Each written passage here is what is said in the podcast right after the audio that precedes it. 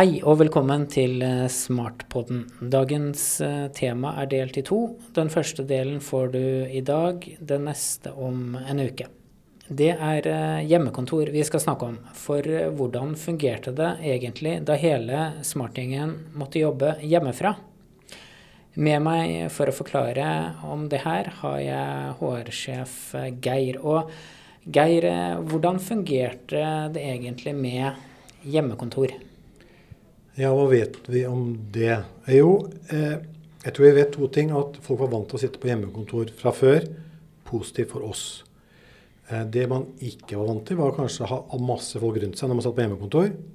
Det er den andre delen. Og så har vi jo, eh, etter at vi nå begynte å vende tilbake til, til der vi sitter i drivhuset, så har vi jo gjennomført en liten kartlegging av erfaringer. Eh, så vi vet jo noe. Det er ganske sånn mangefasettert bilde som kommer tilbake. Eh, og kanskje litt prega av hvilken jobb og hvilke fagområder man jobber med. Um, men jeg tror det der er en sånn Det er en opplevelse som vi bare må lære av, for jeg tror vi kommer dit igjen.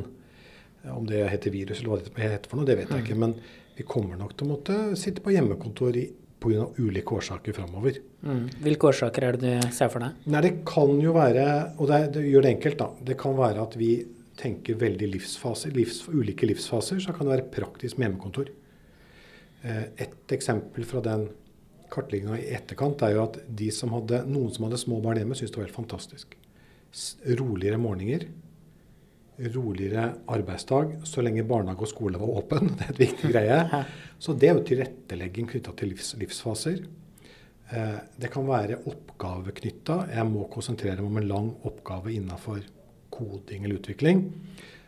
Forstyrrelser gjør at jeg må begynne på nytt enn 27 ganger. Da er det også en greie. Så jeg tror vi har lært mye av vi, vi, trodde vi visste mye om hvordan vi brukte hjemmekontor, men jeg tror vi lærte masse gjennom den perioden. Mm.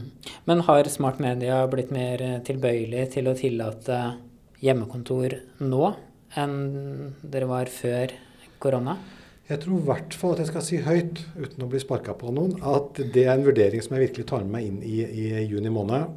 Eh, vi har alltid, eller så lenge jeg har fått jobbe med og skal jobbe fremover, så har vi alltid hatt løs jakke på det. Men det kan være vi skal tenke oppgavebasert, eller årsaker til, litt mer strukturert. Um, for nå blir det fort sånn at jeg tar hjemmekontor fordi jeg må kjøre bilen på verksted. Det er en god årsak altså, i, og for seg. Men kanskje skal vi begynne å tenke litt oppgaver og, og, og dager hvor du må faglig fordype deg. Kanskje er det da dumt å sitte i det der ja, åpenlandskapet som vi er en del av. De tingene tenker jeg mye på også når jeg tar toget fram og tilbake.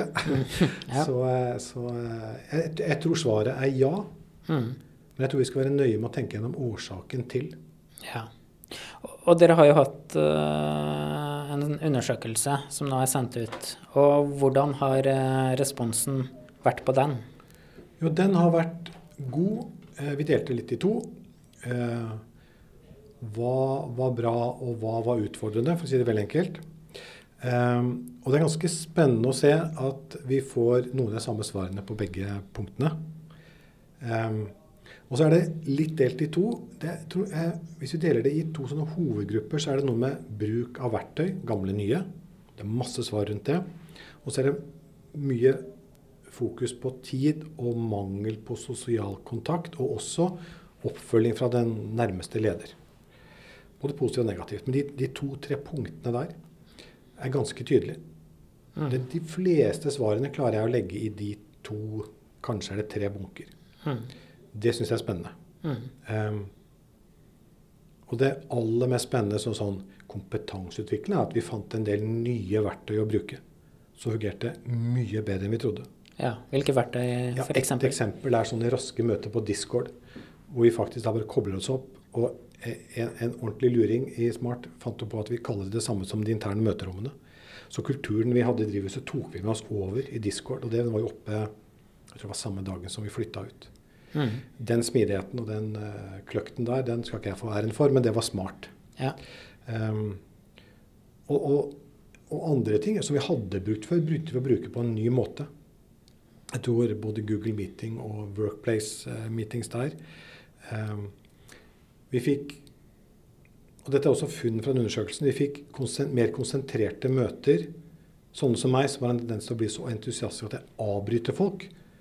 Fikk ikke gjort det. Det var et gode for de som var på møte med meg. For det, okay. da måtte jeg høre igjennom. ja. eh, så vi fikk litt mer disiplin, og vi brukte faktisk tror jeg, kortere tid på å komme raskere til poenget. Ja. Så spørs det om vi mista noe. Men, men, eh, sånne funn tror jeg er eh, gode. Mm. Um, et eksempel som jeg har lyst til å nevne veldig, er at jeg har tenkt masse på hvordan vi får til type allmøter eller informasjon på tvers når vi er blitt så mange. Kanskje har vi løst den allerede nå. Du melder deg på det seminaret eller webinaret. Du ser det live eller når det passer deg, og deltar på et allmøte med informasjon. Mm. Uh, fordi det er vanskelig å møtes uh, ja. ellers. Og det er jo sikkert en uh, raskere måte å få ut informasjon på òg. Sannsynligvis. Ja. Men jeg tror ikke vi tenkte gjennom det i tilstrekkelig grad før. Før så var det sånn vi brukte de verktøyene hvis du tenker sånne digitale møteflater, fordi noen var på reise eller et annet sted. Men nå kan vi gjøre det pga. temaet, at det er praktisk, og at vi ikke binder opp alle ressursene i huset samtidig. Mm. Så det blir en helt annen måte å tenke på, rett og slett. Ja. Og samtidig så er det jo mange som lurer på hvorfor de ikke kunne sitte lenger hjemme. For det er jo ikke akkurat eh, så veldig mange bedrifter som er eh, på plass her på InnoCamp. Nei, og det, jeg, jeg, jeg, jeg, nevnte jo toget i sted, og det er fordi jeg pendler jo fra Trondheim. Og jeg har jo en kupé nesten alene eh, en mm. del av veien.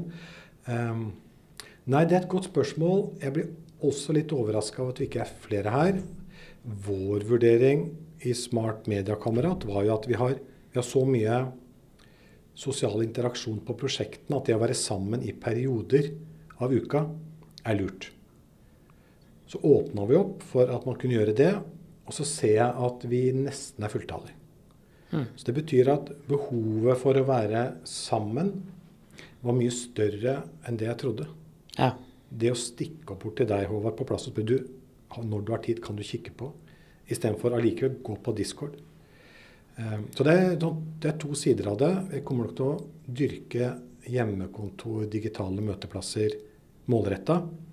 Men det viser seg at den der verdien med å sitte sammen, den uh, Mulig Telenor får til at alle skal sitte hjemme, eller Amazon ja. eller Twitter. eller noe det er. Men denne familien, som heter Smart-familien, var ikke helt bygd for det. Nei.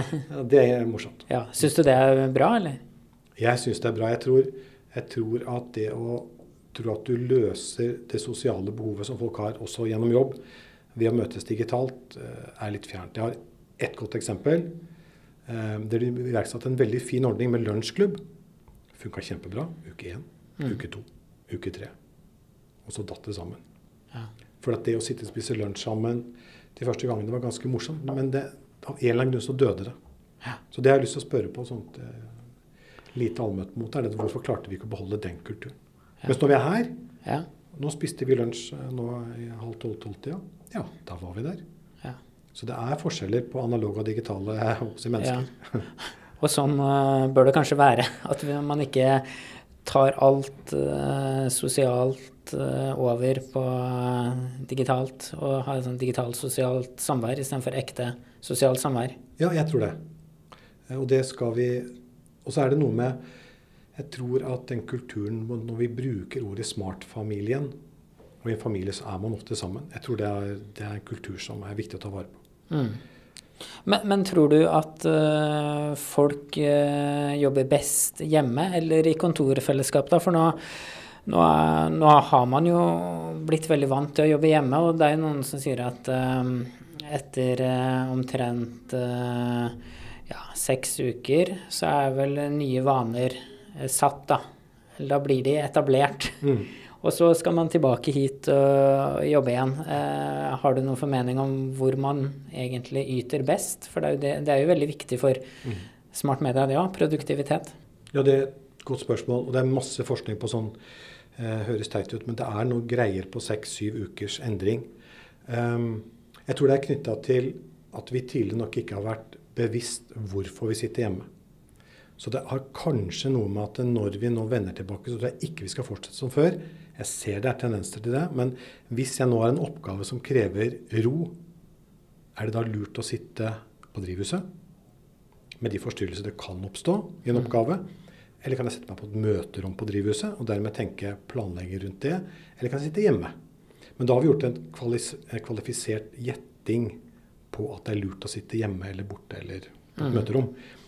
Den kvaliteten har vi ikke på plass, tror jeg.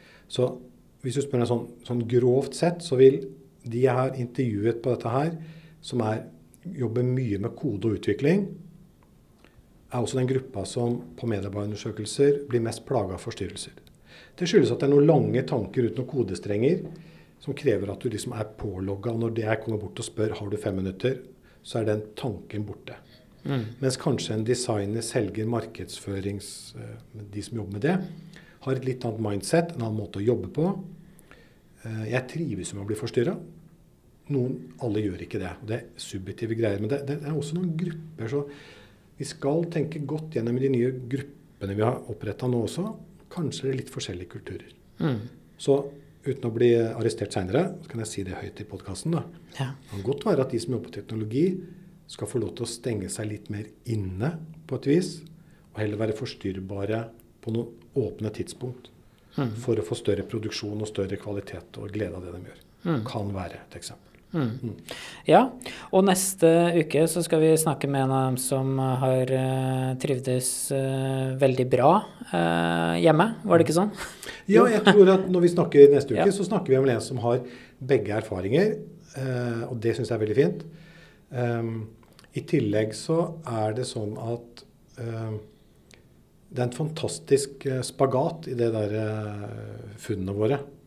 Som jeg sa i sted, så er det, det er morsomt å lese gjennom når Fantastisk fint å sitte hjemme på fleksibilitet i forhold til familien, livsfasedelen.